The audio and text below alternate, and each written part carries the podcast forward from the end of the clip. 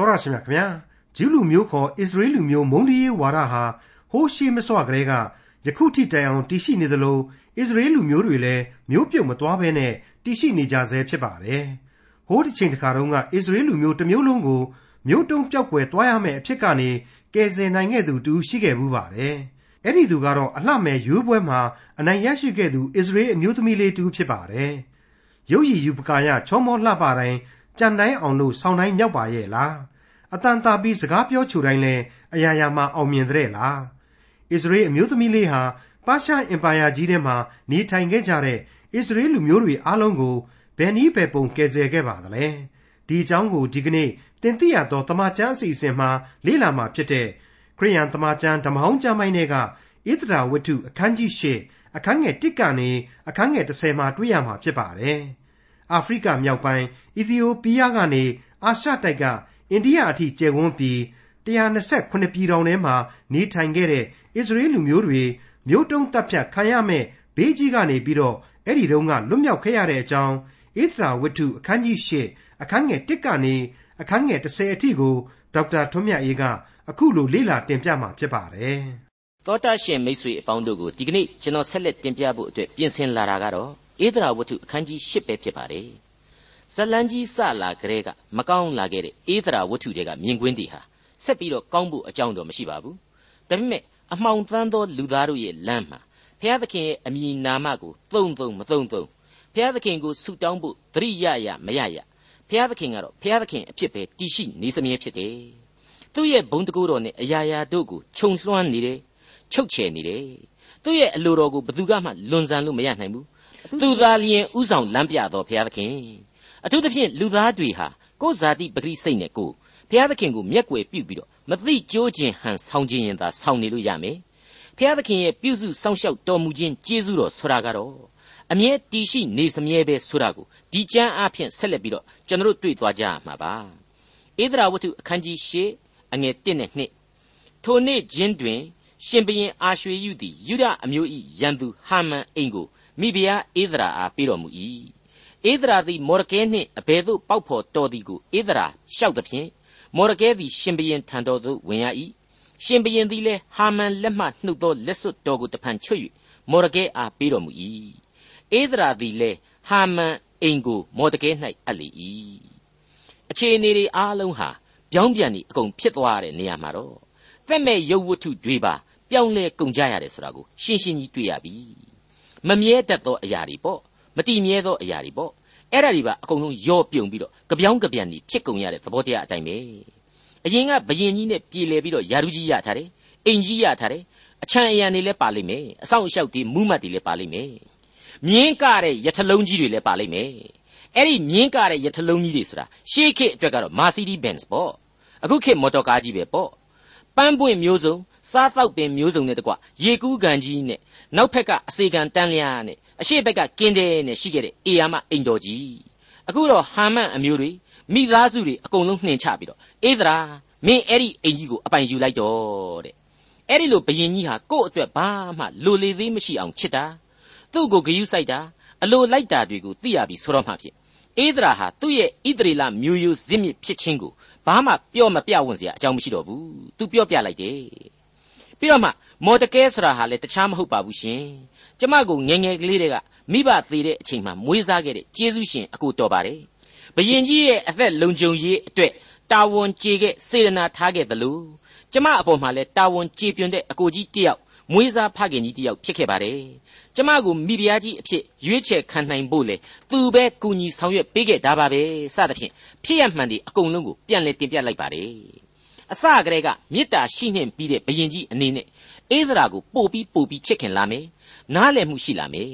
အေးသရာနဲ့လက်တွဲရတဲ့သူ့ဘဝအတွက်လေသူ့မှာစိတ်ကြည်နူးမှုတွေကိုခံစားရလိမ့်မယ်မော်ဒကဲဆိုတဲ့လူနဲ့ပတ်သက်လို့သူ့ယင်တဲ့ကကျေနပ်နှစ်သိမ့်နေရဓာတွေဟာလေအေးသရာနဲ့အရင်အချာဖြစ်နေတာကိုသိရခြင်းအပြင်ငကိုခင်မင်ချစ်ခင်ယဉ်နှီးမှုတဲ့လေးစားမှုတဲ့ပို့ပြီးတော့နှက်ဆိုင်တဲ့တွေ့တာမှုတွေပါဝင်ရောရှက်သွားရမှာအသေးချပါပဲဒါကြောင့်မလို့ဒီအဝန်းအဝိုင်းကလေးဟာသူ့အဖို့ချစ်ခင်ရမယ့်အဝန်းအဝိုင်း တာဝန်ယူရမယ့်အဝန်းအဝိုင်းဆိုတဲ့စိတ်ဓာတ်မျိုးဘယင်ကြီးအာရွှေယူရင်ထဲမှာဝင်လာရပြီဟဟာမန်ကိုအနှင်းခဲ့တဲ့ပါရှားတစိ့ကိုခတ်နှိမ့်နိုင်တဲ့လက်စွပ်တော်ကိုမော်ရကဲကိုချွတ်ပြီးတော့လွှဲပြောင်းပေးလိုက်တယ်။တနည်းအားဖြင့်တကောအာနာတွေကိုပါပေးလိုက်တယ်နဲ့အတူတူပါပဲ။အဲ့ဒီအချိန်မှာအေးဒရာကလည်းသူ့ကိုဘယင်ကြီးကကြိုက်တယ်လို့လို့ဆိုပြီးတော့လွှဲပေးထားတဲ့ဟာမန်ဝန်ကြီးချုပ်နေအိမ်ကိုသူ့အကိုတော်သူမော်ဒကဲစီကိုပဲထပ်ဆင့်လွှဲပေးလိုက်ပါတယ်တဲ့။တနည်းအားဖြင့်ကို့အကိုကြီး ကိုယ့်ရဲ့ကျေးဇူးရှင်မွေးစားဖခင်ကြီးမော်ဒကဲကိုပို့ပြီးတော့သိတိတင်ပေးလိုက်ခြင်းပဲလို့ကျွန်တော်ခံယူပါတယ်။ကဲဒါဆိုရင်သူသေရမဲ့ကြိုးတိုင်ကြီးရှိတဲ့နေရာမှာပဲသူဟာမသေးရယုံတင်တာမကရှင်သန်ခံစားရတဲ့အခွင့်ရရှိသွားပြီဆိုတာဟာဒီအပိုင်းမှာရှင်းရှင်းကြီးပေါ်နေပြီမော်ဒကဲကိုပြောတာပါသူသေးရမဲ့ကြိုးတိုင်ကြီးရှိခဲ့တဲ့ဝင်းကြီးရုပ်ဝင်းကြီးကိုသူရရှိသွားပြီလေကိုပိုင်တယ်ဆိုတဲ့အိမ်ကြီးပေါ်ကနေသူများကိုကြိုးစင်တင်ပြီးသတ်တာကိုအရသာခံကြည့်ရမယ်လို့ အားခဲထားခဲ့တဲ့ဟာမန်တယောက်ကတော့ကိုကြိုးစင်နဲ့ကိုပဲသေပွဲဝင်ရရှာပြီဘသူမပြုတ်မိမိမှုပေါ့ကိုကြော်ကွင်းနဲ့ကိုကကိုကြော့မိတယ်ဆိုတာအဲ့ဒါပဲသူတွေမကသေးဘူးလေသူ့အတိုင်းဝိုင်းကအဲ့ဒီလိုကြိုးစင်လှုပ်ဖို့မြှောက်ပေးခဲ့တဲ့ဆွေမျိုးပေါက်ဖော်တွေလက်ထောက်အကြံပေးပုဂ္ဂိုလ်ကြီးတွေရောအကုန်လုံးခြေလွတ်လက်လွတ်ထွက်ပြေးရပြီဆိုတာတွေ့ရပြီလေဒီနေရာမှာသင်္ကုံမြင့်တုံမြင့်မြင့်တုံဆိုတဲ့စကားကိုကျွန်တော်တို့သုံးလို့ရနိုင်ပါတယ် ကျွန်တော်ပြောခဲ့တဲ့အတိုင်းပဲအလျင်အမြန်ပြောင်းလဲကုန်လေးရှိသောဘဝလောကဓာတ်ရဲ့အဖြစ်နဲ့အပျက်သဘောတရားကိုလည်းကျွန်တော်အများကြီးသံဝေကယူเสียအကြောင်းရှိပါတယ်။ဒါပေမဲ့အဲ့ဒီရုပ်တရက်ပစ္စည်းတွေဆရာဟာဟာမန်စီမှာမမြဲသလိုအခုအေးသရာမော်ရကဲတို့စီမှာလည်းမမြဲနိုင်ပါဘူး။ဒါတော့ဒီကိစ္စတဲ့ပို့ပြီးနှက်ဆိုင်တဲ့ဝိညာဉ်ရေးအနှစ်သာရကိုသာထုတ်နှုတ်ဆန်းစစ်သွားကြရမှာဖြစ်ပါလေ။အဲ့ဒါကတော့လောကကြီးမှာလူတွေဟာကိုယ့်ကိုယ်ကိုယ်သာဟုတ်လာပြီလို့မှတ်နေကြတာ။တကယ်တော့ကိုဘာမှမပိုင်ဘူး အဲ့ဒီကိုမပိုင်တဲ့အရာတွေအလုံးဆိုတာဟာလေဘုရားသခင်ကပြီးတော့ယာယီပိုင်ဆိုင်ခွင့်ရတယ်ဘုရားသခင်ကဖြုတ်ဆိုပြီးတော့ဆွဲယူလိုက်တော့လေမျက်စိတမိတ်လျှက်တစ်ပြက်အတွင်းမှာပဲဟောင်းလောက်ပေါက်ကြီးဖြစ်သွားရတယ်လေဟာနယ်ကြီးလိုပဲဘာမှမကြံပဲဖြစ်သွားရတတ်တယ်သက်မဲ့ရုပ်ပစ္စည်းတွေမမြဲတာကိုအသာထားအောင်ကိုယ့်အသက်ကလေးပြုတ်မသွားရအောင်တောင်မနှဲထွက်ပြေးရတယ်ဘဝပြေးရမှာတောင်မှဘုရားသခင်ကလွတ်စေသတိဆိုမှလွတ်ခွင့်ရရတဲ့ဘဝဆိုတာကိုကျွန်တော်တို့ဟာကိုယ့်ကိုယ်ကိုသိနာလေသင်လှပါတယ် အခုလိုဟာမန်ဆိုတဲ့ဘရင်ထိတ်တန်းကအာနာယနန်းရင်ဝန်အဆင့်ပုဂ္ဂိုလ်ကြီးပျောက်ကွယ်သွားရပုံအကြောင်းကိုစဉ်းစားလိုက်တဲ့အခါကျတော့ဒါဝိမင်းကြီးဟာလေသူ့ရဲ့38ခုမြောက်သောဆာလံကိုဘယ်နည်းဘယ်ပုံဖွဲ့ဆိုခဲ့တယ်ဆိုတာကိုပြန်လဲဆင်ခြင်တွေးတောစရာကောင်းလာပါတယ်အဲ့ဒီအခန်းကြီး38ရဲ့အငယ်35နဲ့36တို့မှာသူအခုလိုဆိုဖွဲ့ထားခဲ့ပါတယ်မတရားသောသူသည်အစိုးတရားပြု၍ပေါက်ရင်းအရမှကြီးပွားသောတစ်ပင်လန်းလန်းရှိတဲ့ကဲ့သို့ ကိုကိုကိုပြန့်ပွားစေသည်ကိုငါမြင်ရတော့လေနောက်တဖန်သူသည်ရွေ့သွား၍ကိုယ်ပြောက်၏တဲ့ရှင်းရှင်းကြီးနော်ဟာမန်ဆိုတဲ့ပုဂ္ဂိုလ်ကြီးဟာဖြင့်အဲ့ဒီအတိုင်းတစ်ဖြတ်သေးပဲဖြစ်သွားရပြီဟုတ်ပါတယ်အာမလက်အမျိုးအနွယ်ဖြစ်တဲ့သူ့ရဲ့အတိတ်သမိုင်းကြောင်းဟာရှေးဘိုးဘေးအစဉ်အဆက်ကလေးကမကောင်းခဲ့သလိုသူ့အလှဲ့မှာကျတော့ပိုတောင်ဆိုးနေခဲ့ပါတယ်ဒါကြောင့်လဲရှေးကာလကကျိန်ဆိုခြင်းတွေဟာသူနဲ့တကွသူ့အတိုင်းအဝိုင်းကြီးအတွက်ပါအတီးဖြစ်သွားရခြင်းပဲဆိုတာကိုကျွန်တော်တို့တွေ့ရတယ် ဆက်ပြီးတော့လည်းတွေ့ရပါလိမ့်အောင်မယ်မိษွေအပေါင်းတို့ခမညာလူမျိုးတော်ဣသရေလကိုစင်ပေါ်မှာအဓိကရတရုတ်ဆောင်အဖြစ်တင်ပြီးတော့ဘုရားသခင်ပြသနေတဲ့လူသားတို့ရဲ့ဖြစ်ရတွေကိုကြည့်ပြီးတော့ဒါတွေဟာအပြစ်သားကြီးဖြစ်တဲ့လူသမိုင်းမှန်ဆိုတာကိုကျွန်တော်တို့ဟာနှွယ်ယူတွေးဆကြရပါလိမ့်မယ်ဆုံးဖြတ်ကြရပါလိမ့်မယ်အပြစ်ဆိုတာဟာဟာမန်မှာကြီးပဲရှိတာမဟုတ်တဲ့လူသမိုင်းအမွေဆိုးကြီးဖြစ်လို့သူသူငါငါလူတကာဟာဇာတိပဂရိအယအပြစ်သားကြီးဖြစ်တယ်ဒါပေမဲ့အဲ့ဒီအပြစ်သားလူသတ္တဝါဟာ ခရစ်တော်၌အသက်မွေးဖွားခြင်းကိုခံယူလိုက်ချိန်မှာတော့အသက်ပြုပြင်ခြင်းခံရတဲ့တတ္တဝါဖြစ်လာတယ်ဆိုတဲ့ကိုယ့်ဘဝအမှန်ကိုကိုသိကိုလွတ်မြောက်ရာလမ်းကိုကိုနားလေထားကြဖို့အထူးပဲအရေးကြီးလာပါတယ်အဲ့ဒါဟာဖြင့်အခုကျွန်တော်ရဲ့သင်သိရသောသမာကျမ်းရဲ့အဓိကပန်းတိုင်ပဲဖြစ်ပါတယ်အဲ့ဒီကျွန်တော်ရဲ့အဓိကပန်းတိုင်ကိုလေဒီဖြစ်ရအပေါင်းတို့ဟာတက်သေးတီးပြီးတော့အားဖြည့်သွန်းလောင်းပေးနေတယ်လို့ကျွန်တော်ဆိုချင်ပါတယ်ကဲအခုလောလောဆယ်ဧဒရာဝတ္ထုကိုဆက်ရအောင်လို့ဧဒရာဝတ္ထုအခန်းကြီး၈ အငယ်3မှ6အထိကိုဆက်လက်နားဆင်ကြည့်ကြပါအောင်စို့တဖန်ဧဒရာသည်ရှင်ဘရင်ခြေတော်ရင်း၌ပြတ်ဝတ်၍အာဂတ်အမျိုးဟာမန်ပြုသောအပြစ်ယူဒအမျိုးတစ်ဖက်၌ကြံစီသောအကြံအစီကိုပယ်တော်မူမည်အကြောင်းမျက်ရည်ကျလျက်တောင်းပန်လေ၏ရှင်ဘရင်သည်ရွှေရာဇလှန်တံကိုဧဒရာသို့ကမ်းတော်မူသဖြင့်ဧဒရာသည်ထ၍ရှင်ဘရင်ရှေ့တော်၌ရက်လျက်အရှင်မင်းကြီးအလိုတော်ရှိလျင်ကျွန်တော်မကိုစိတ်နှင့်တွေ့တော်မူလျင်၎င်းကျွန်တော်မအမှုသည် ရှေ့တော်၌လျှောက်ပတ်၍ကိုတော်သည်ကျွန်တော်မကိုလည်းချစ်တော်မူလျင်၎င်းနိုင်ငံတော်အတိုင်းတိုင်းအပြည်ပြည်တို့၌ရှိသောယုဒလူတို့ကိုဖျက်ဆီးခြင်းဟာအာဂတ်အမျိုးဟံမေဒါသသာဟာမန်စီရင်သောစာကိုပယ်မိအကြောင်းထပ်၍စာရေးစေတော်မူပါကျွန်တော်မအမျိုးအပေါ်သို့ရောက်ရသောဘေးကို၎င်းကျွန်တော်မအမျိုးသားချင်းပျက်စီးသောအမှုကို၎င်းကျွန်တော်မသည်ကြည့်ရှုခြင်းဟာအဘယ်သို့တတ်နိုင်ပါအံ့နည်းဟုရှောက်ဆို၏ ကျွန်တော်အထက်ကဖော်ပြခဲ့တဲ့အတိုင်းပဲအဲ့ဒီအချိန်ကာလမှာအသက်ဘေးနဲ့ရင်ဆိုင်နေရတာဟာမော်ရကဲနဲ့ဣသရာနှစ်ယောက်တည်းတည်းမဟုတ်ပါဘူး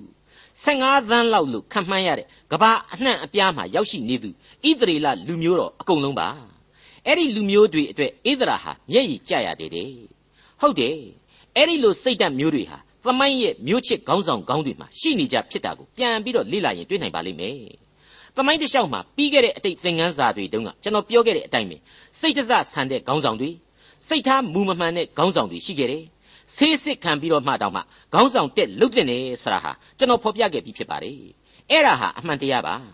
ဘသူသေးသေးငတေမာရင်ပြီးရောဆိုတဲ့ခေါင်းဆောင်မျိုးတွေအကြောင်းပေါ့အဲ့ဒီလူကြားထဲမှာမှမောရှိလူသေတဲ့အထိစိုက်လိုက်မတ်တက်လူမျိုးတော်ကိုအရာရာကိုစွန့်ပြီးတော့ခေါင်းဆောင်မှုပေးသွားတဲ့ပုံကိုယ်တွေကိုလူမျိုးတင်မကသေးဘူးတခြားလူမျိုးတွေကိုပါ ဘုရားသခင်ရဲ့အလိုတော်နဲ့အညီခေါင်းဆောင်မှုပေးခဲ့တဲ့ယောသတ်တို့လိုပုံကိုယ်တွေဒံယေလတို့လိုပုံကိုယ်တွေကိုကျိုးစွန့်ဝန်ထမ်းခဲ့တဲ့နေဟမိလိုပုံကိုယ်တွေအကြောင်းတွေဟာလေရှိခဲ့တယ်ဆိုတာကိုကျွန်တော်မငင်းနိုင်ပါဘူးအဲ့ဒီလိုအများအကောင်းကျိုးအတွက်ခေါင်းမရှောင်လို့ခေါင်းဆောင်ဖြစ်တတ်တဲ့အထက်မှာတော့အခုအေးသရာဟာစည်ရင်သွင်းရမယ့်အဆင့်ကိုတက်လှမ်းသွားပြီသူ့လူမျိုးတော်အတွက်မျက်ရည်ကျပြီးအသနာခံနေတယ် ဒီအချက်အားဖြင့်ဧဒရာဝတ္ထုကိုအပေါ်ယံလွှာလောက်တင်ဖတ်ကြည့်ပြီးတော့နှုတ်ကပတ်တော်မှာအဆင့်မရှိတဲ့ဝတ္ထုဖြစ်တဲ့ရောင်ရောင်ဘာရောင်ရောင်သဘောထားမှုတွေဟာမှားယွင်းနေပြီဆိုတာပုံမသိတာထင်ရှားလာပါတယ်ဧဒရာရဲ့မျက်ရည်လေရွှဲတောင်းပန်ခြင်းနောက်မှာတော့ဒီလောက်အထိဘူးဆိုရင်ဖယုံမသိဘူးဆိုတဲ့အာရွှေယုပါရှားဘယင်ကြီးဟာသူ့ရဲ့ရွှေရာဇလှန်တော်ကိုကန့်ပြလိုက်တယ်အတိတ်ဘယ်ကတော့ငါမင်းဖြစ်စေချင်တာတွေမဖြစ်မနေလုပ်ကိုပေးပါမယ်ပြောချင်တာကပြောပါဆိုတဲ့အခွင့်ပြုလိုက်တဲ့အတိတ်ဘယ်ပါပဲ အဲ့ဒီအချိန်မှာအေးသရာရဲ့ရှောက်ထားတဲ့စကားထဲမှာအလွန်အရေးကြီးတဲ့အချက်တွေပါလာတာတွေ့ရပါတယ်တစ်အချက်အနေနဲ့အလိုတော်ရှိရင်နှစ်အချက်အနေနဲ့စိတ်တော်နှင့်တွေ့လျင်သုံးအချက်အနေနဲ့ရှေ့တော်၌လျှောက်ပတ်မှုရှိရင်သို့မဟုတ်တရားမျှတသောအမှုဖြစ်ရင်လေးအချက်အနေနဲ့သူ့ကိုမေတ္တာထားရင်တနည်းအားဖြင့်ချစ်တော်မူရင်ဆိုတဲ့အချက်တွေကိုအေးသရာဟာအရင်စကားပလင်ခံထားပါတယ်အဲ့ဒီအချက်အလက်တွေနဲ့ပြည့်စုံရင်ကုမတော်မူပါဆိုပြီးတော့မှ အကယ်၍အဲ့ဒီအချက်တွေနဲ့ပြည့်စုံတဲ့ဆိုရင်ယူဒလူတို့ကိုဖျက်ဆီးခြင်းဟာဟာမန်စီရင်သောစာကိုပယ်တော်မူမည်အကြောင်းအမိန့်ထပ်မံချမှတ်ပေးတော်မူပါဆိုတဲ့အဓိကရအချက်ကိုဖော်ပြလိုက်ပါတယ်သူတောင်းဆိုလိုတဲ့အချက်အဓိကလိုအပ်နေတဲ့အချက်ပေါ့မိတ်ဆွေအပေါင်းတို့ခမညာအဲ့ဒီတောင်းဆိုချက်ဟာကျွန်တော်အပြစ်သားလူတော်ဝါတွေကနေပြီးတော့ကျွန်တော်ကိုပိုင်သအုပ်ဆိုးတော်မူသောဘုရားသခင်ကိုတောင်းဆိုရမယ်ဆုတောင်းသံကိုကိုစားပြုနေတယ်ဆိုတာဟာမရှိဘူးလား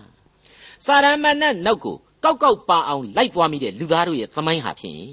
အလိုအလျောက်အပြစ်တရားအကျိတ်ကိုရောက်သွားပြီးတော့သေကိုသေရမယ်ဆိုတဲ့လောကရန်စီရင်ခြင်းကြီးကိုခံရပြီးသားဖြစ်ခဲ့ရတယ်ဒီသေခြင်းကိုဘယ်လူသားမှရှောင်ကွင်းလို့မရနိုင်ဘူးဒါပေမဲ့အဲ့ဒီမြေကြီးထဲမှာပုတ်ပြက်သေးချေရခြင်းကနေပြီးတော့သာဝရအသက်သရဖူဆိုတာကိုရယူဖို့ရန်အတွက်ကဲတင်ခြင်းတရားဆိုတာဟာခရစ်တော်အဖြစ်ရှိနေတယ်။ဒါကိုဘုရားသခင်တပါးဒီကသာဖြင့်ပေးပိုင်နေ။တနည်းအားဖြင့်အပြည့်သက် သေပြစ်ဒဏ်စီရင်ခြင်းကြီးကိုပယ်ဖြတ်ပေးနိုင်တဲ့တကိုးတော်ဟာခရစ်တော်အဖြစ်ရှိနေတယ်။ကဲတင်ခြင်းကျေးဇူးတော်ဆိုတဲ့စီမင်းကြီးဟာရှိနေတယ်။ပရိညင်သက်ကြီးဟာရှိနေတယ်။ဒါကိုကျွန်တော်တို့ကျမတို့ဟာသိနာလေပြီဆိုရင်အခုဧဒရာဟာအာရွှေယုဘယင်ကြီးကိုတောင်းဆိုတာမျိုးအတိုင်းပဲဖျားသခင်စီကိုတောင်းဆိုနိုင်တယ်ဆိုတာရှင်းမနေဘူးလားဒီနေရာမှာသူဟာကျွန်တော်တို့ကိုသေပြစ်နဲ့ကင်းတဲ့သာဝရအသက်ရှင်ခြင်းအတွက်လူစားတိကိုခံယူပြီးတော့သက်စွန့်မေတ္တာနဲ့ကျေးဇူးပြုခဲ့တယ်ဆိုတာကိုပြန်တွေးလိုက်ရင် ငကိုကလေးကသူဟာအဲ့ဒီကျေးဇူးပြုဖို့အတွက်အလိုတော်ရှိပြီးသားဖြစ်တယ်ဆိုတဲ့အချက်ဟာရှင်းမနေဘူးလားပြီးတော့အဲ့ဒီလိုအလိုတော်ရှိတာကိုကျွန်တော်တို့ကိုချစ်တော်မူလို့အလိုတော်ရှိခြင်းဖြစ်တယ်ဆိုတာကရောပေါ်လွင်မနေဘူးလားတခုတော့ရှိလေရဲ့စိတ်တော်နဲ့တွေ့ဖို့ရဲ့တရားမျှတခြင်းရှိဖို့ရဲ့ကတော့သူ့ရဲ့ယုံကြည်ခြင်းတရားကိုကျွန်တော်တို့စောင့်ကိုစောင့်ရှောက်ကြရလိမ့်မယ်စစ်မှန်သောအသက်မွေးဖွားခြင်းကိုခံယူကြရလိမ့်မယ်အဲ့ဒါဆိုရင်သူချထားပေးခဲ့တဲ့ ဒီကယ်တင်ခြင်းတရားအဖြစ်ကျွန်တော်တို့ဟာအလွန်ခိုင်မာစွာချထားပေးပြီးသားဖြစ်တဲ့သေပြစ်ဒဏ်ကနေလွတ်ကိုလွတ်ကြရမှာမလွဲဧကန်အမှန်ပါဒီအချက်တွေကိုစဉ်းစားရင်းနဲ့ကျွန်တော်တို့မှတ်သားတဲ့အချက်ကတော့ကျွန်တော်လည်းပြောခဲ့ပြီးသားဖြစ်တဲ့အချက်တစ်ခုပါပဲပါရှားနိုင်ငံဟာသူ့ရဲ့ဓမ္မသစ်တွေပြဋ္ဌာန်းခဲ့တဲ့ဥပဒေတွေကိုရေးပြီးပြီဆိုရင်နောက်ထပ်ပြန်ပြီးတော့မပြင်ဘူးဆိုတဲ့အချက်ပါပဲပြန်ပြင်ရိုးထုံးစံမရှိဘူးဆိုတဲ့အချက်ပါ ဒါကိုဧသရာဝတ္ထုအခန်းကြီး1အငယ်16မှာကလေးကမိဖုရားကြီးဝါရှတိကြောင့်ဖြစ်ရတဲ့အမိန့်တော်ကိုမပြောင်းလဲစေခြင်းဟာဓမ္မသတ်မှာတွင်းစေဆိုတဲ့အချက်နဲ့ရှင်းနေပြီဖြစ်ပါတယ်ဒါကြောင့်မို့လို့လေမိဖုရားကြီးဝါရှတိတယောက်ဟာအဲ့ဒီအမိန့်ထွက်တာနဲ့ဘဝပြတ်သွားတယ်ဒီဇက်လန်းထဲမှာလုံးဝတိမ်မြုပ်ပြောက်ကွယ်သွားရတယ်ဒါကြောင့်မို့လို့လေဒီလောက်အထိအခိုင်အမာဖြစ်သွားတဲ့သေမိန့်ကြီးဒီလောက်အထိကြီးကျယ်နေတဲ့ဣသရေလလူမျိုးတော်တစ်ခုလုံးကိုမျိုးဖြုတ်မဲ့ကိစ္စကြီးကိုငါကိုယ်တိုင်နိုင်ငံတော်ဖြစ်တယ် ငါကိုယ်တိုင်ဟာအကျွင့်မဲ့အာနာရှင်ဖြစ်တယ်ဆိုတဲ့ဘယင်ကြီးကပယ်ဖြက်ပေးမှသာဖြစ်မယ်ဆိုတာကိုသိလို့အေးသရာဟာအခုလိုဘယင်ကြီးကိုအသနာခံတောင်းလျှောက်လိုက်ရတာပဲဖြစ်ပါတယ်အေးသရာဟာတကိုယ်ကောင်းမဆန်တဲ့မိန်းကလေးတာဝန်သိတဲ့သူမိန်းမကောင်းမိန်းမမြတ်တော်ဝင်မိဖုရားကြီးတပားအနေနဲ့ထိုက်တန်တဲ့အရေးအချင်းကြီးရှိတယ်ဆိုတာကိုသူ့ရဲ့နောက်ဆက်တွဲစကားတွေဟာဖော်ပြနေပါတယ်ကျမအပေါ်မှာရောက်ရမယ်ဘေးအန္တရာယ်ကျမတို့အမျိုးသားချင်းတွေအပေါ်မှာတက်ရောက်ရမယ်ဒီဘေးအန္တရာယ်ကြီးတွေအပေါ်မှာ ကျမဟာဘယ်လို့မှထိုင်ပြီးတော့ကြည်မနေနိုင်ပါဘူးအရှင်ဆိုတဲ့အချက်ပါပဲဒီအချက်ဟာအရေးမကြီးဘူးလားဒီကနေ့ကျွန်တော်တို့ယုံကြည်သူများဖွဲ့စည်းထားတဲ့အဖွဲ့အစည်းကြီးတွေမှာကို့မှာတာဝန်ရှိရနဲ့မရှိပြီးတကယ်လို့ပဲနေတတ်တဲ့ခေါင်းဆောင်တွေအများကြီးရှိနေတာကိုရင်နာပွဲတွေ့ရှိရပါတယ်ကိုကတစ်ချက်နှစ်ချက်လောက်ကလေးဝင်ပြီးပြောဖို့ကိစ္စဝင်ပြီးတော့ဆောင်ရွက်ပေးဖို့ကိစ္စခေါင်းဝင်ခံရဖို့ကိစ္စဝင်မလုပ်ဘူးမကူညီဘူးခေါင်းဆောင်မှုမပေးဘူးဘာလုပ်နေတယ်လဲဆိုတော့ ကိုကြီးပွားဖို့နဲ့ကိုစားတာဖို့ကိုပဲအဓိကကြည့်ပြီးအဲ့ဒါပဲလုပ်နေကြတယ်ပြောတော့လေအမှုဆောင်နဲ့အမှုတော်ဆောင်နဲ့အဲ့ဒါဟာအလွန်ရှက်ဖို့ကောင်းပါတယ်ဖျားသခင်ရှေ့တော်မှာမတင့်တယ်ပါဘူးဖျားသခင်ရဲ့ဘုန်းတော်နဲ့နာမတော်ကိုအထူးပဲထိခိုက်တယ်လို့ကျွန်တော်လေးနဲ့စွာယုံကြည်ပါတယ်ဓမ္မသမိုင်းဖြစ်စဉ်များနဲ့နှုတ်ကပတ်တော်ရဲ့အဆုံးအမများအရာအဲ့ဒီလိုကြီးမားတဲ့အပြစ်မျိုးကနေခေါင်းဆောင်များတို့ကင်းဝေးကြပါစေအဲ့ဒီလိုအပြစ်ကျူးလွန်ခြင်းမျိုးဟာအသင်းအဖွဲ့ကြီးတွေအတွက်လည်းအကြီးအကျယ်ထိခိုက်နစ်နာစေတယ် ကယ်တင်ရှင်သခင်ခရစ်တော်ရဲ့ဘုန်းတော်နဲ့နာမတော်ကိုအများကြီးနစ်နာစေတယ်လို့ကျွန်တော်တွေးမိပါတယ်အဲ့ဒါဟာစကတည်းကခေါင်းဆောင်တတ်ရင်ခေါင်းဆောင်ဝင်မလုပ်ရဘူးဆိုတဲ့အချက်ကိုဖော်ပြနေတာပါပဲဧဒရာဝတ္ထုအခန်းကြီး၈အငယ်9မှ10အထိရှင်ဘရင်အာရွှေယုကလည်းဟာမန်သည်ယူရလူတို့ကိုထိခိုက်သောကြောင့်သူ၏အိမ်ကိုမိဖုရားဧဒရာအားငါပေးပြီးထိုသူကိုလည်းလဲဆွဲချတိုင်၌ကွက်မြက်စေပြီး တို့ရတွင်ရှင်ဘရင်လက်စွပ်နှင့်တစိ့ခတ်သောရှင်ဘရင်အမိန့်တော်စာကိုအဘယ်သူမျှမပယ်ရသည်ဖြစ်၍စိတ်ရှိသည့်အတိုင်းယူရလူတို့အဖို့အမိန့်တော်စာကိုတဖန်ရေး၍လက်စွပ်တော်နှင့်တစိ့ခတ်ရမည်ဟုမိဖုရားဧဒရာနှင့်ယူရလူမော်တကဲတို့အားမိန့်တော်မူ၏ကျွန်တော်ဖော်ပြခဲ့တဲ့အတိုင်းပါပဲနော်ပါရှားခေတ်တုန်းကအမိန့်တော်တွေလို့ပြဋ္ဌာန်းချက်တွေလို့ဆိုတာတွေဟာတော်ယုံတန်ယုံနဲ့မပြက်ပြဲနိုင်ဘူးဆိုတာထပ်ပြီးသိလာရပြီ အခိုင်အမာစရင်ပြုတ်ရမယ်နန်းတော်မှတ်တမ်းမှာရေးရမယ်လို့ဆိုထားတယ်မဟုတ်ဘူးလားဒါပေမဲ့အဲ့ဒီအမိန့်ဟာရှင်ဘရင်လက်စွပ်တော်တစိမ့်နဲ့ခတ်ထားလို့သာခိုင်မြဲရတာမို့လို့ပြန်ပြီးဖြတ်ချင်ရင်လေအဲ့ဒီရှင်ဘရင်ရဲ့လက်စွပ်တော်နဲ့ပဲတစိမ့်ခတ်ပြီးတော့ပြန်ပြီးဖြတ်ရမှာဆိုတာကိုရှင်ဘရင်ဟာဖွင့်ပြီးတော့ပြောပြလိုက်ပါတယ်အဲ့ဒီလက်စွပ်တော်ဟာဘလောက်အရေးကြီးတယ်လဲဆိုတာကိုနားလည်ရပါပြီဟာမန်တယောက်သူ့ကိုဘယင်ကြီးကချီးမြှောက်မယ်အမှတ်နဲ့ထည့်ပြီးတော့အခွင့်အရေးတွေတောင်းတော့က အဲ့ဒီလက်စွပ်တော်မပါတာတောင်တော်သေးတယ်လို့ကျွန်တော်တွေးမိပါတယ်ဟာမန်ဟာသူ့ကိုချီးမြှောက်မယ်အောက်မေ့ပြီးတော့ဘယင်ကြီးကငါချီးမြှောက်ခြင်းတဲ့လူကိုဘယ်လိုချီးမြှောက်ရမလဲဆိုတော့ကမှတ်မိကြပါတယ်နော်ဘယင်ကြီးရဲ့တရဖူတောင်မှဆောင်းပေးတယ်ဆိုပြီးပြောတယ်အဲ့ဒီလိုလူဒန်းစားမျိုး तू ကဘယင်ကြီးကို तू ကလက်သီးပုံထိုးပြီးတော့ဘယင်အာနာကိုလူကျင်တဲ့သဘောမျိုးအဲ့ဒီလိုဟာမန်လက်သေးကိုသာအဲ့ဒီဘယင်ကြီးရဲ့လက်စွပ်တော်9မိနစ်လောက်ရောက်ကြည့်တကယ်ဣသရေလတွေအကုန်ဒုက္ခရောက်ပြီပေါ့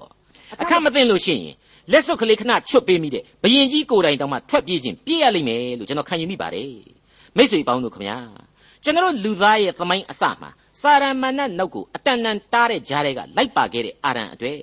မုတ်ချသေကိုသေရမည်ဆိုတဲ့အမိန့်ကိုချခဲ့တာဟာဘုရားသခင်ကိုတော်တိုင်ပဲဖြစ်ပါတယ်အဲ့ဒီသေမိန့်ကိုဘယ်လောကရနီးနဲ့မှဆန့်ကျင်လို့မရနိုင်ပါဘူးဘယ်ဓာတုဗေဒဆေးဝါးနဲ့မှလေကုစားလို့မရနိုင်ပါဘူးဒီအမိန့်တော်ဟာအမိန့်တော်ကိုချထားပေးသူ ဘုရားသခင်ရဲ့နောက်ထပ်အမိန့်နဲ့သားလျင်ပယ်ဖြတ်လို့ရနိုင်မှာဖြစ်တယ်ဆိုတာကိုကျွန်တော်အလေးအနက်သတိပြုကြရပါလိမ့်မယ်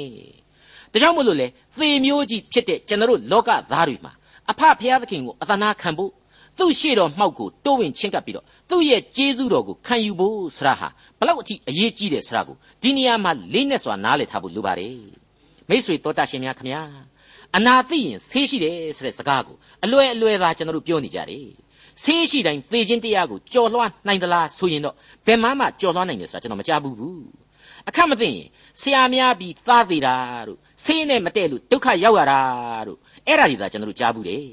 အခုကျွန်တော်တို့ကိုနှုတ်ကပတ်တော်ကဖော်ပြနေတာကတော့သေခြင်းလောကရန်ကိုအောင်မြင်ဖို့အသက်လန်းခရီးအကြောင်းပဲဖြစ်ပါတယ်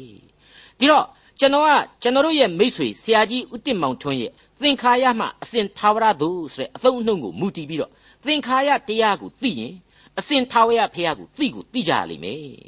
အဲ့ဒီလိုသာသိနားလည်ပြီးတော့သာဝရဖះသခင်ကိုကိုးကွယ်မယ်ဆိုရင်တော့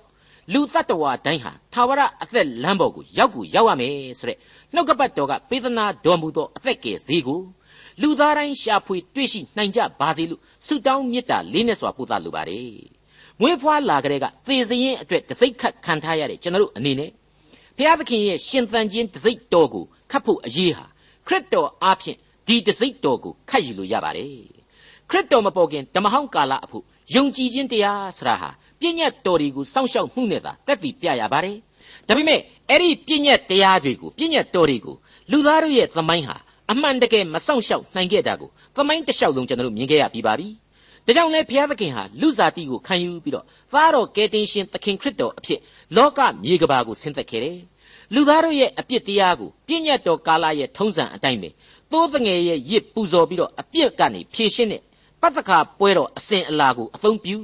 ကယ်တင်ရှင်ဂျေဇုတော်ကိုကားတိုင်းတော်ပေါ်မှာအသက်အသေးခံပြီးပြသခဲ့ပါတယ်။သိုးတငယ်လိုအဲ့ဒီလိုကားတိုင်းပေါ်မှာအသက်ဆွန့်ပြီးတော့ရစ်ကောင်တပွဲပူဇော်ခြင်းအပြင်လူလောကရဲ့အပြစ်တွေကိုသူဟာအပြည့်သက်ဖြေရှင်းပေးတယ်။ပြီးနောက်မှာတော့သုံးရက်မြောက်သောနေ့မှာရှင်ပြန်ထမြောက်တော်မူခြင်းအပြင် သူ့ကိုယုံကြည်သူအပေါင်းတို့ဟာသေခြင်းမြစ်စုမှာကိုအောင်ကိုအောင်မြင်ရမယ်ဆိုတဲ့အချက်ကိုဖော်ပြခဲ့ပါတယ်။အဲ့ဒါဟာကယ်တင်ခြင်းကျေးဇူးတော်ပဲ။ကယ်တင်ခြင်းတရားပဲ။ဒါကိုယုံကြည်လက်ခံသူဟာခရစ်တော်၌တစိ့ခတ်နှိပ်လိုက်တာ ਨੇ အတူတူပဲဖြစ်ပါလေအဲ့ဒါကိုသုံးဆွဲတဲ့ဝေါ်ဟာရကတော့ကျွန်တော်မကြာမကြာကြားရတဲ့ဗတ္တိဇံခံယူခြင်းပါပဲအင်္ဂလိပ်လို baptism ဖြစ်ပါတယ်မြန်မာစာပေမှာမရှိခဲ့တဲ့ဝေါ်ဟာရမို့လို့အထူးအဆန်းကြီးလိုတော့ဖြစ်နေမှာအမှန်ပါပဲ အနှစ်သာရအတိတ်ပဲကတော့လူသားအလုံးတို့တောင့်တမျောလင့်နေတဲ့အသက်လန်းခရီးကိုရှောက်သွားရကောင်းကင်လက်မှတ်ပဲဖြစ်တယ်အသက်သောအသက်တာကိုလက်ခံပါမယ်ဆိုတဲ့ယုံကြည်ခြင်းဂရိကဝတ်ပြုခြင်းအကြောင်းကိုဖော်ပြတဲ့ဝေါ်ဟာရပဲဖြစ်ပါတယ်အလွန်အတိတ်ပဲပြေဝပါတယ်အလွန်ဝမ်းမြောက်ကြည်နူးပွေသောကျေးဇူးတော်ရဲ့သင်္ကေတအမှတ်တညာလက္ခဏာပဲဖြစ်ပါတယ်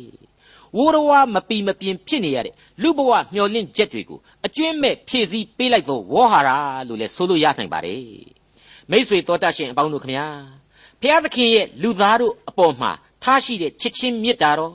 သူ့ရဲ့ကျေးဇူးတော်ဟာဘလောက်ကြီးတယ်လဲဆိုတာကိုဒီအချက်တွေနဲ့ကျွန်တော်တို့ဟာဘုရားသခင်ရဲ့ဂုဏ်တော်ကိုချီးမွမ်းမွဲ့ဆိုမိပါတယ်အခုပေရသီလို့ခေါ်တဲ့ပါရှားဘယင်ကြီးဟာသူ့ရဲ့အာရွှေယူဆိုတဲ့ဘွဲ့ကြီးနဲ့လက်စွပ်တစိမ့်တော်နဲ့ခတ်နှိပ်ခဲ့တဲ့ဣသရေလတို့ကိုသေစေဆိုတဲ့တစိမ့်ကိုပြန်လဲခြေဖြတ်နိုင်ဖို့အတွက် သူ့ရဲ့တစိမ့်ကိုသာပြန်လဲသုံးရမယ်ဆိုတာကိုဧဒရာနဲ့မော်ဒကဲတို့ကိုပွင့်ပွင့်လင်းလင်းဖော်ပြပြောဆိုလိုက်ပါပြီ။ဘာတွေဆက်ပြီးဆောင်ရွက်ပေးအောင်မယ်ဆိုတာကိုဆက်လက်လေ့လာကြည့်ကြပါအောင်စို့။ဧဒရာဝတ္ထုအခန်းကြီး၈အငယ်၉မှ10ထိုအခါသိဝန်အမည်ရှိသောတတရလ23ရက်နေ့တွင်စည်ရတော်ကြီးတို့ကိုခေါ်၍အိန္ဒိယပြည်ကုရှပြည်တိုင်အောင်တိုင်းပြည်128ပြည်တို့၌ရှိသောယူဒလူကိုစားတော်မင်းအပြည်ပြည်အုပ်သောမြို့ဝန် မြို့သူကြီးတို့ကိုမော်တကဲမှားထားသမျှအတိုင်းယူဒဘာသာစကားမှစ၍လူအမျိုးမျိုးပြောသောစကားအသီးအသီးအားဖြင့်ရှင်ဘရင်အာရွှေယု၏အမိန့်တော်စာကိုရေး၍ရှင်ဘရင်လက်စွပ်တော်နှင့်စိတ်ခတ်ပြီးမှမြင်းလာကလအုပ်မြင်းစည်းသောစာပို့လူလင်တို့ဖြင့်ပေးလိုက်လေ၏သတ်မဲ့ဖြတ်မဲ့နေ့ရက်တွေတုန်းကရက်စွဲနဲ့အတိအကျဖော်ပြခဲ့တာကိုမိတ်ဆွေတို့မမေ့ဘူးထင်ပါလေ အာဒါအမည်ရှိသောဒွါဒသမလ13ရက်နေ့တနေ့ချင်းတွင်တတ်ရမယ်ဆိုပြီးတော့အတိအကျဖော်ပြထားခဲ့တယ်ဘလောက်ကြောက်ဖို့ကောင်းတယ်လေတိတိကျကျကြီးနော်ဒီအပြစ်ဒဏ်တွေကိုပယ်ဖြတ်တဲ့နေ့ရက်တွေကိုလေအခုအချိန်မှာအတိအကျပြန်လည်သတ်မှတ်ပေးတယ်သိဝန်အမည်ရှိသောတတရလဤ23ရက်နေ့တဲ့ဣသရေလလူမျိုးတော်အဖို့တော့မင်္ဂလာအပေါင်းနဲ့ခါညောင်းတဲ့နေ့ပဲဖြစ်ရပါလိမ့်မယ်သင်မင်းအရေးလွှမ်းမိုးရဂျိုင်တဲမှာရှောက်သွားရတော့လေဘေးအန္တရာယ်ကိုမကြောက်ပါ အကြောင်းမူကားကိုတော်သည်အကျွန်ုပ်နှင့်အတူရှိတော်မူသည်ဖြစ်၍လှန်တန်တော်နှင့်တောင်ဖွေးတော်သည်အကျွန်ုပ်ကိုချမ်းသာစေပါ၏ဆိုတဲ့ဆာလံ23ရဲ့ဖွဲ့ဆိုချက်အတိုင်းချမ်းသာရာရရှိသွားသောနေ့ရဲ့မင်္ဂလာရှိလာသောနေရုနေမြတ်လို့ဆိုရမှာဖြစ်ပါတယ်ဂျူးဣသရေလတွေဟာပါရှားနိုင်ငံတော်ရဲ့လက်အောက်ခံနိုင်ငံအနှံ့အပြားမှာရေကြည်ရာမျက်နှာရာဆိုသလိုအသက်မူးဝင်းကြောင်းကြရင်နဲ့ပြန့်နှံ့နေကြပြီဆိုတာကိုကျွန်တော်တို့သိနိုင်ပါတယ်တိုင်းတွေခရိုင်တွေခွဲခြားထားပြီးတော့အဲ့ဒါကိုပြည်နယ်အနေနဲ့သတ်မှတ်ထားတာဟာ 128ပြည်တောင်တောင်မှရှိတယ်လို့ဆိုပါတယ်အာဖရိကမြောက်ဖက်ကုရှာဆိုတဲ့အီသီယိုးပီးယားနိုင်ငံကနေပြီးတော့အာရှတိုက်အရှေ့ဘက်အိန္ဒိယအထိကျယ်ဝန်းတဲ့မဟာအင်ပါယာကြီးဖြစ်ခဲ့ပါတယ်အလွန်ကျယ်ပြန့်ပြီးတော့ပထဝီရေမြေအနေအထားအမျိုးမျိုးရှိတဲ့ဒေသလူယဉ်ကျေးမှုအတိုးတက်ဆုံးဖြစ်ခဲ့တဲ့ဒေသကြီးဖြစ်ပါတယ်ဩဇာအာဏာကလည်းရှိတော့သူ့လက်အောက်ခံနယ်မြေတွေဟာစီးပွားရေးလူမှုရေးအခြေအနေကောင်းတွေအများကြီးရှိလိမ့်မယ်လို့ခန့်မှန်းရပါတယ်ပြီးတော့အထူးနားလည်ထားရမှာကတော့ လူမျိုးတွေဘာသာစကားတွေဟာလေအမျိုးမျိုးရှိနေတယ်ဆိုတဲ့အချက်ပါ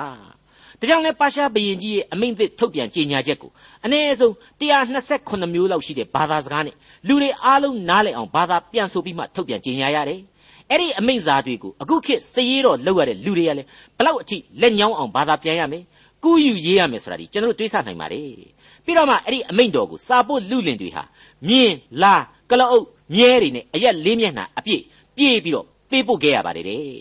သေရေးနဲ့ရှင်ရေးကိုဆုံးဖြတ်ရတဲ့စာကိုဘလောက်အထိအသေးအသန်ရေးသားပြီးတော့အမြန်ပေးပို့ရသလဲဆိုတာကိုကျမ်းစာကစာလုံးတွေဟာဖော်ပြနေပါတယ်ဖြစ်ပျက်ပြုပြင်လောကကြီးမှာအလျင်အမြန်အရေးယူဆောင်ရွက်ရတာတွေဟာအများကြီးရှိမြဲဖြစ်ပါတယ်ဒီထဲမှာတော့ဘုရားသခင်ပေးသနာတဲ့လူသားတို့အားလွတ်ငင်းခွင့်ဆိုတဲ့ဗြိညင်ဟာအလျင်အမြန်ဆုံးကြားနာအပ်တဲ့သတင်းကောင်းပဲဖြစ်ပါတယ်အခုဆိုရင်ဒီအန်တရဲ့ဇိုးကြီးကသီသီကလေးလွတ်ခဲ့ရတဲ့ဂျူးတွေအဖို့ပြန်ပြီးစဉ်းစားလိုက်ရင် ဟာမန်သေယုံနဲ့ဒီကိစ္စဟာမပြီးနိုင်ပါဘူးတီရှိစေဥပဒေကြီးတစ်ခုဆိုတာကိုလည်းဆွဲဆုပ်ပြစ်လို့မရပါဘူးနောက်ထပ်ဥပဒေအသစ်နဲ့သာလျှင်ဂျူးဣသရေလတို့ဟာရှင်သန်ခွင့်ရကြရမယ်အခြေအနေဖြစ်ပါတယ်အဲ့ဒီဥပဒေသစ်ကိုလေဥပဒေဟောင်းရဲ့အကျိုးသက်ရောက်မှုမရှိခင်မှာအချိန်မီပါရှားနိုင်ငံတော်အတွင်းမရောက်ရောက်အောင်ပို့ဆောင်ပေးခြင်းအပြင်သာဘေးအန္တရာယ်နဲ့ကင်းလွတ်နိုင်တယ်ဆိုတာကိုသိနိုင်ပါလိမ့်မယ်မိတ်ဆွေများခင်ဗျာယောမဩဝါဒစာအခန်းကြီး3 အငယ်23နဲ့24အရာခြားနာခြင်းအရှင်းမရှိအဘယ်ကြောင့်နည်းဟုမူကားလူအပေါင်းတို့သည်ဒုစရိုက်ကိုပြု၍ဖျားသခင်ရှေ့တော်၌အသရေပြက်ကြပြီယေရှုခရစ်ရွေးနှုတ်တော်မူသောအဖြစ်အဖို့ကိုမပေးဘဲဖျားသခင်ကြီးကျေးဇူးတော်ကြောင့်ဖြောင့်မတ်ရာသို့ရောက်ကြလောဆိုတဲ့အချက်အတိုင်းပဲကျွန်တော်လူသက်တော်များဟာခြားနာခြင်းမရှိတဲ့ဒုစရိုက်အပြစ်သားများကြီးဖြစ်ပါတယ်အဲ့ဒီအပြစ်သားတွေအတွက်ကယ်တင်ခြင်းတရားဆိုတဲ့ဘုရားသခင်ကျေးဇူးတော်ဆရာဟာပေါ်ထွန်းတည်ရှိလို့နေပါတယ် ဒါအဖြစ်ခရစ်တော်အဖြစ်ဖြစ်တည်လာရတဲ့ဘုရားသခင်ဥပဒေသစ်ဖြစ်ပါတယ်ဝမ်းမြောက်ဖွယ်သတင်းစကားလည်းဖြစ်ပါတယ်တစ်ချိန်တည်းမှာဘုရားသခင်ချထားပေးခဲ့တဲ့ဥပဒေဟောင်းကြီးဟာလေအသက်ဝင်ရှင်သန်နေသေးတယ်ဆိုတာကိုကျွန်တော်မေ့ထားလို့မရပါဘူးအဲ့ဒါကတော့ယေစကြည်လအနာဂတိကျမ်းအခန်းကြီး78အငယ်၄ရဲ့အဆုံးနာမှာအခိုင်အမာတွေ့ရပါတယ်ပြစ်မှားသောဝိညာဉ်သည်အသက်သေရမည်ဆိုတဲ့အချက်ပါဘယ်လိုပဲဖြစ်ဖြစ်မိษွေအပေါင်းတို့ခမညာကျေးဇူးနဲ့ဂရုဏာတော်အားဖြင့်လွတ်ငင်းချမ်းသာခွင့် ကယ်တင်ခြင်းတရားအားဖြင့်သာဝရအသက်လမ်းကိုတက်လှမ်းခွင့်ဆိုတဲ့သတင်းစကားတွေကိုမေတ္တာများစွာနဲ့ကျွန်တော်တို့ဝေမျှလျက်ရှိနေပါတယ်ဒီသတင်းစကားကိုကြားရသူတိုင်းအဖို့ပြစ်မှားသောဝိညာဉ်သည်အသက်သေရမည်ဆိုတဲ့ပုံမှန်နဲ့အပြစ်ပေးခြင်းဓမ္မလွတ်ကင်းကြပါစေတည်းဒေါက်တာထွန်းမြတ်ရေးစီစဉ်တင်ဆက်တဲ့တင်ပြတော်တမချန်းအစီအစဉ်ဖြစ်ပါတယ်နောက်တစ်ချိန်အစီအစဉ်မှာခရိယန်တမချန်းဓမ္မဟောင်းကျမ်းပိုင်းတွေကဣသဒဝတ္ထုအခန်းကြီး၈အခန်းငယ်၁၁ကနေ အခန်းငယ်၁၈အထိကိုလေ့လာမှဖြစ်တဲ့အတွက်စောင့်မျှော်နားဆင်နိုင်ပါတယ်။